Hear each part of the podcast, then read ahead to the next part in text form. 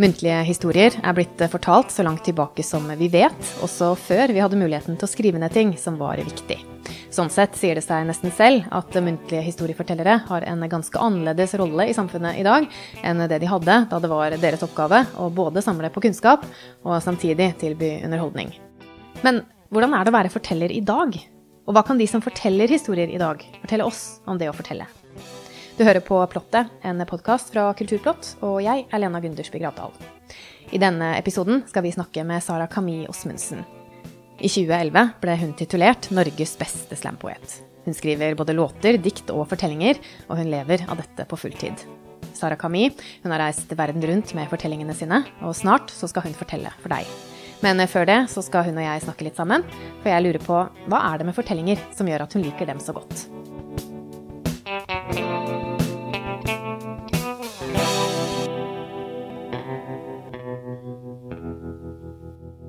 Jeg begynte med slampoesi, og jo, jeg fikk jo veldig kick. Da opptrådde mye og, og, følte at jeg, jeg, klarte å skrive og rime og flowe og sånn. Og, men samtidig så hadde jeg lyst til å eh, si viktige ting. Men på en måte mitt liv er rikt, men det er ikke bare ting i mitt liv som er kjempespennende, eller som jeg må eh, fortelle om. Men jeg hadde fortsatt lyst til å fortelle ting. Og så plutselig, da jeg kom over dette med folkeeventyr, da, eller fortellinger, så så syns jeg det var mange temaer som på en måte var litt sånn tidløse, og noen ganger var det et budskap som jeg syntes var veldig fint, og ja, så det, det, var kanskje noe med det at det var fint å kunne få et annet innhold enn bare ting sett fra mine øyne.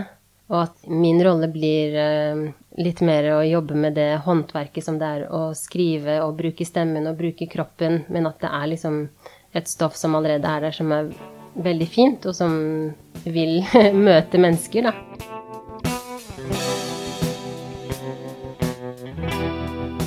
Sara Camille har slutta å konkurrere med poesi, men hun bruker fremdeles stilen poesislam når hun forteller.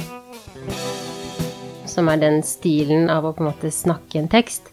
Eh, så gjør jeg det eh, fortsatt, og jeg pleier ofte å kombinere, da. Kanskje at jeg har en sang, og så før sangen så eh, snakker jeg en tekst, kanskje bare fem linjer, som blir en sånn slags bro eh, inn i sangen.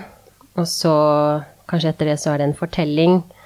Ja, så det blir liksom veldig sånn organisk eh, inn i hverandre. Mm. Mm. Går det an å si, er det noe forskjell på hvor du henter det, hvis du driver med poesi versus fortelling? Altså, ja. Er det, ja? ja, det er forskjell. Også når jeg skriver eh, noe selv, så jeg er ikke så flink enda til å på en måte um, lage egne karakterer og det blir veldig sånn fra mitt perspektiv, ting jeg har selv eh, opplevd, ting jeg eh, føler på.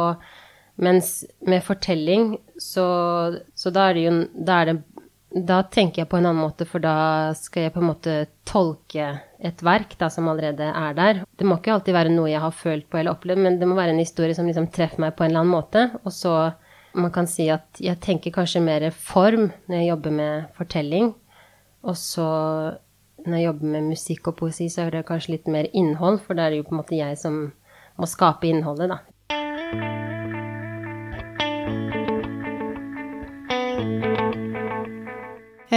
Du var inne på det at du liker å stå på scene. Hvordan mm. sette ord på hva det er med det som du syns er så fint? Ja. Mm.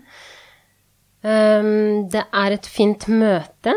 Det er fint å kunne se at uh, man formidler noe som ofte treffer, da, og som man ja, Det er vanskelig å, å, beskrive, men det er liksom en sånn felles tilstedeværelse. Jeg skriver veldig mye når jeg jobber ut ting, så jobber jeg veldig måte, skriftlig. Men jeg, jeg tenker nesten alltid på at jeg skal møte noen.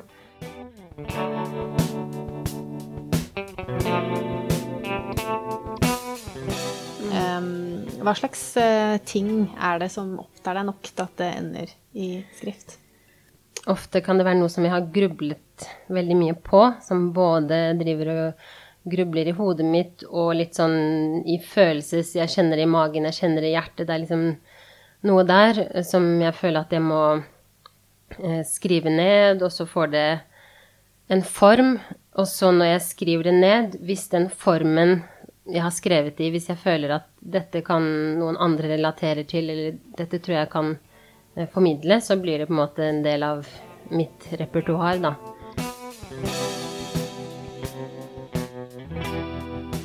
Når Sara Camille øver inn en muntlig fortelling, gjør hun det litt annerledes enn det hun lærte at man egentlig skal.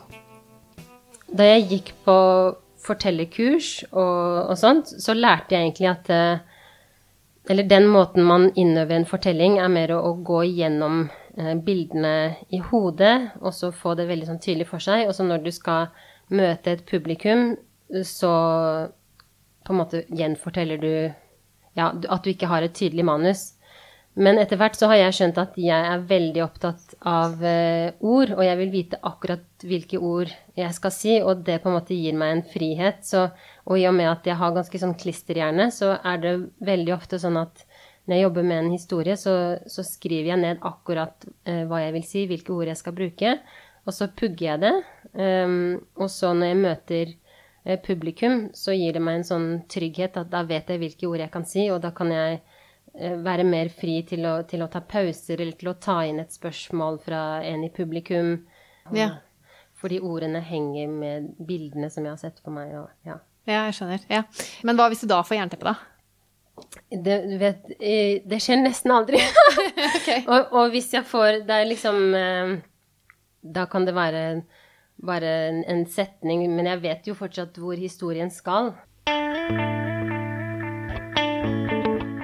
Selv om hun skriver mest dikt og låter, lager Sara Kami også fortellinger fra bunn, gjerne med en litt tradisjonell vri. Jeg har skrevet noen fortellinger som følger den eventyrformen, men det er på en måte mine historier. Og da har jeg en historie som handler om et brumletroll. At da, da var det jeg, da jeg var liten, så hadde jeg ofte en type frykt inni magen, da, som jeg, jeg sa selv til faren min at det er et brumletroll inni magen min. Og så har jeg gjort det til et eventyr som har disse gjentagende tingene, og så til slutt så klarer vi å ta knekken på det eh, brumletrollet. Så det er jo sånn om frykt, om følelse Ja, det er mange forskjellige eh, temaer. Mm. Mm, mm. Um, har du, for du forteller for andre, så det er jo barn og voksne og alt mulig. Har du mm. noe eh, respons du har fått fra noen som du husker? Ja, jeg har det som jeg syns er Ja, det er mange forskjellige respons, men en gang så, som jeg syns var veldig fint, for det, det som jeg prøver å få til med når jeg forteller, er at man skal se for seg bilder i hodet, da. Så da hadde vi hatt en sånn en forestilling på en skole og fortalt. Og så var det etterpå 'Å, det er den beste filmen jeg har sett'. så da var det sånn 'Yes, da har du sett det for deg uh, ja. i hodet'. Det, ja. ja. Um, kan du si noe om den uh, fortellingen du skal si her, mm. uten å si hva den er? For? Ja, jeg kan si noe om hvordan jeg kom over den. Fordi jeg gjør mye fortelling for barn, og jeg har gjort en del ting på Litteraturhuset. Uh, så har jeg en venninne, som hun jobbet på Litteraturhuset, da, som de skulle lage et arrangement eh, som hadde fokus på Karibien og Latin-Amerika. Så visste at jeg hadde familie derfra, så hun spurte bare om jeg hadde noen barnebøker fra Karibien. Og så ringte jeg moren min, og så sa hun at jeg kunne gå på loftet da, for å se om vi hadde noe eh, liggende der. Så kom jeg over en bok som heter Emerveille, som betyr forund forunderlig. Eh, som jeg ble veldig sånn nysgjerrig på, så så jeg inni boken at det var en hilsen fra besteforeldrene mine til uh, søsteren min, så var egentlig storesøsteren min uh, som fikk den. Så bare begynte jeg å lese, og da var det en historie uh, som heter Fifin og Fili, som jeg ble veldig sånn fascinert av den historien. Og så, så jeg begynte på en måte å jobbe litt med den og finne ut ok, hvis jeg skulle fortalt den ja, så har den på en måte ligget uh, på et dokument på PC-en min, og jeg har ikke liksom gjort så mye med den, da, men jeg syns at det er noe med den. ja. Hva er det med den? Hvordan si Hva er det som Ja, det er liksom, uten å si um, Det er at det kan også hende, for det handler om et søskenpar, og jeg, jeg, er selv mor og har eh, en gutt og en jente, og jeg observerer veldig mye den energien mellom søsken, da, så det kan hende det er liksom det at uh, det ble veldig nært for meg å, å, lese en historie om et søskenpar, men det er også den måten ting utfolder seg i historien som jeg syns Jeg ble bare veldig sånn uh, dratt til det, da. Og mm, det, ja, den gjorde meg godt, liksom. Når jeg leste den, så var det sånn Wow, det var fint.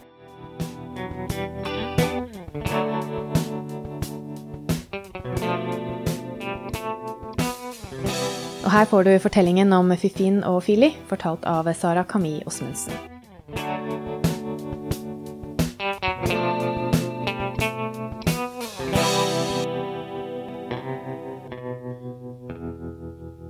Helt nord, på øya Martinique, er det et sted som heter Macuba.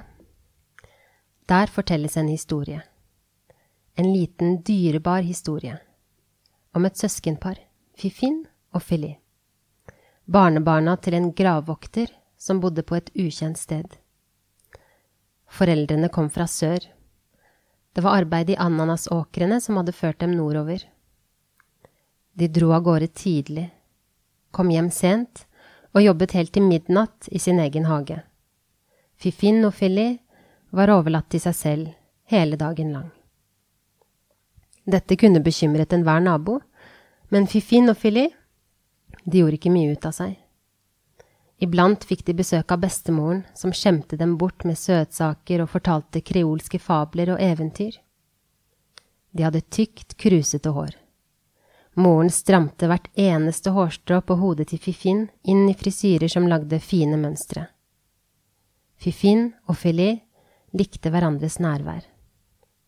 Det sies at de var så glad i hverandre at de ble født sammen, samme dag, samme time, i kraften av samme skrik. Det virket som de holdt hverandre hardt i hånden, i frykt for å miste hverandre. Men ganske fort skjønte man at de hadde bare én arm, bare én hånd, og at de delte denne ene armen, denne ene hånden. I starten ble alle sjarmert av denne historien, om de to barna som var limt inntil hverandre. Men etter hvert som de vokste opp, ble folk bekymret for dem. Ville de kunne jobbe i ananasåkrene? Eller finne andre småjobber? Livet, som for mange virket uhåndgripelig med to hender, hvordan ville de klare seg med bare én hånd? Nabobarna ropte. Regardez monstre! Se på de monstrene! Foreldrene var ofte fylt med sorg og bekymring. Det var bare bestemoren som så på dem med glede. Hun syntes de var så vakre. Ingen skjønte hvorfor. Hun sa at hun hadde sett så mye av denne verden og den andre at hun visste å skille ut pur og ekte skjønnhet. Fifin og Filet vokste opp. De vokste opp sammen, i samme rytme. Fifin ble etter hvert en ung pike som kledde de hvite, broderte, enermede kjolene sine. Fili ble etter hvert en kjekk gutt som trivdes i selebuksene og sandalene sine. Folk ventet seg høylytte krangler, verre enn de vi ser hos dagens barn og unge. Hvem skulle bestemme håndens grep? Hvem skulle føre muskelens retning? Og ikke minst, disse to sjelene, hvordan skulle de samarbeide, de som bare hadde ett grep inn i tilværelsen? Men de to barna viste seg fredfulle. Stemmen kom naturlig til dem. Men de var ikke opptatt av språk. De diskuterte uten tale. De forsto hverandre uten lyd og uten musikk var de samstemte med hverandre og verden.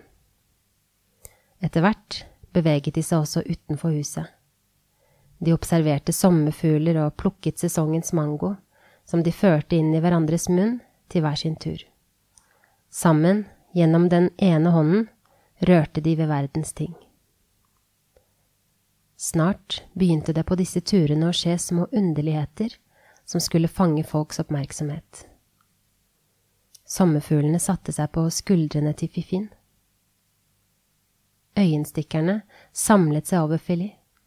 Fluene, marihønene, biene, termittene, bladlusen. Alle fant en slags oase av fred i barnas nærvær. De nærmet seg dem, festet seg til dem og fulgte deres steg. På vei hjem fra disse turene Da de kom ut av skogen, kunne Fifin og Filet stå i timevis ved veikanten.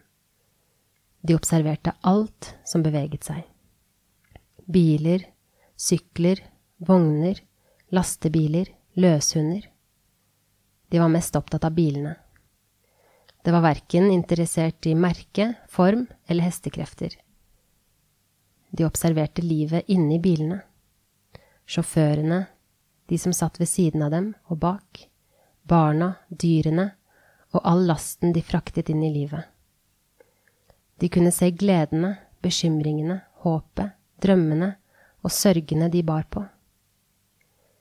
Det var som om den ene hånden deres kunne fange alt dette og la det hvile i den. Folk ble mer og mer oppmerksomme på dette fenomenet. Så snart foreldrene forlot huset, var de ti–tolv stykker som samlet seg rundt der de bodde. De la merke til at vinden saknet når den nærmet seg dem, og at regnet ble til tåke som sto rundt dem som en glorie, at de lave grenene strakte seg mot hånden, som for å motta en velsignelse. Det fantes fortsatt de som likte å gjøre narr av det tykke, krusete håret til Fifin, og de som ropte hei, monstre etter dem. Men etter hvert som tiden gikk, det ene vitnesbyrdet etter det andre, den ene observasjonen etter den andre, så skjønte de at de stakkars barna hadde noe ved seg som de tidligere ikke hadde klart å se. Nå begynte folk å nærme seg dem og ikke bare se på dem, men sette seg ved dem, snakke med dem, lytte til stillheten, fange rytmen av deres sekunder uten slutt. De vendte blikket mot det Fifin og Filet så på. Det mest fascinerende var øynene. De utstrålte så mye godhet, kjærlighet og gnist. Nisoslamukila. Flere begynte å hviske. Nisoslamukila. Etter hvert sa de det i kor. Nisoslamukila. Her er kilden til kjærligheten, trygt i den ene hånden til Fifinofili. Vi har sett dem være i verden sammen gjennom den, og de har vist oss den ubetingede kjærligheten. Det var denne gnisten bestemoren hadde sett. Da hun kom for å besøke dem, var hun overrasket over å se folkemengden som var samlet rundt barnebarna sine. Så mye beundring, fellesskap og glede. Hun ble ikke sjalu. Hun satte seg ned med dem. Mamie Cécile, t'es qu'à moi, un petit bisou papillon. Fais mes tisiers pas moi, ich moi dormi, tes poupons. Ni un talent, talent, moi aussi, t'es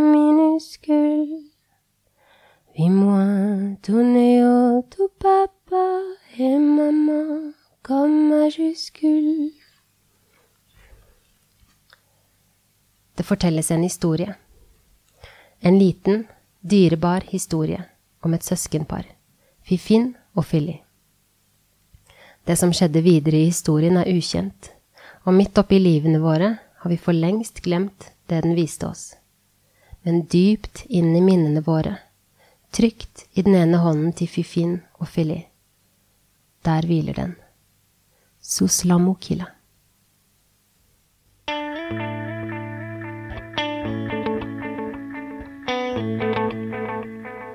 Plottet lages av tekniker Bård Andersson og meg, Lena Gundersby Gravdal. Ansvarlig redaktør for Kulturplott er Magne Lerøe.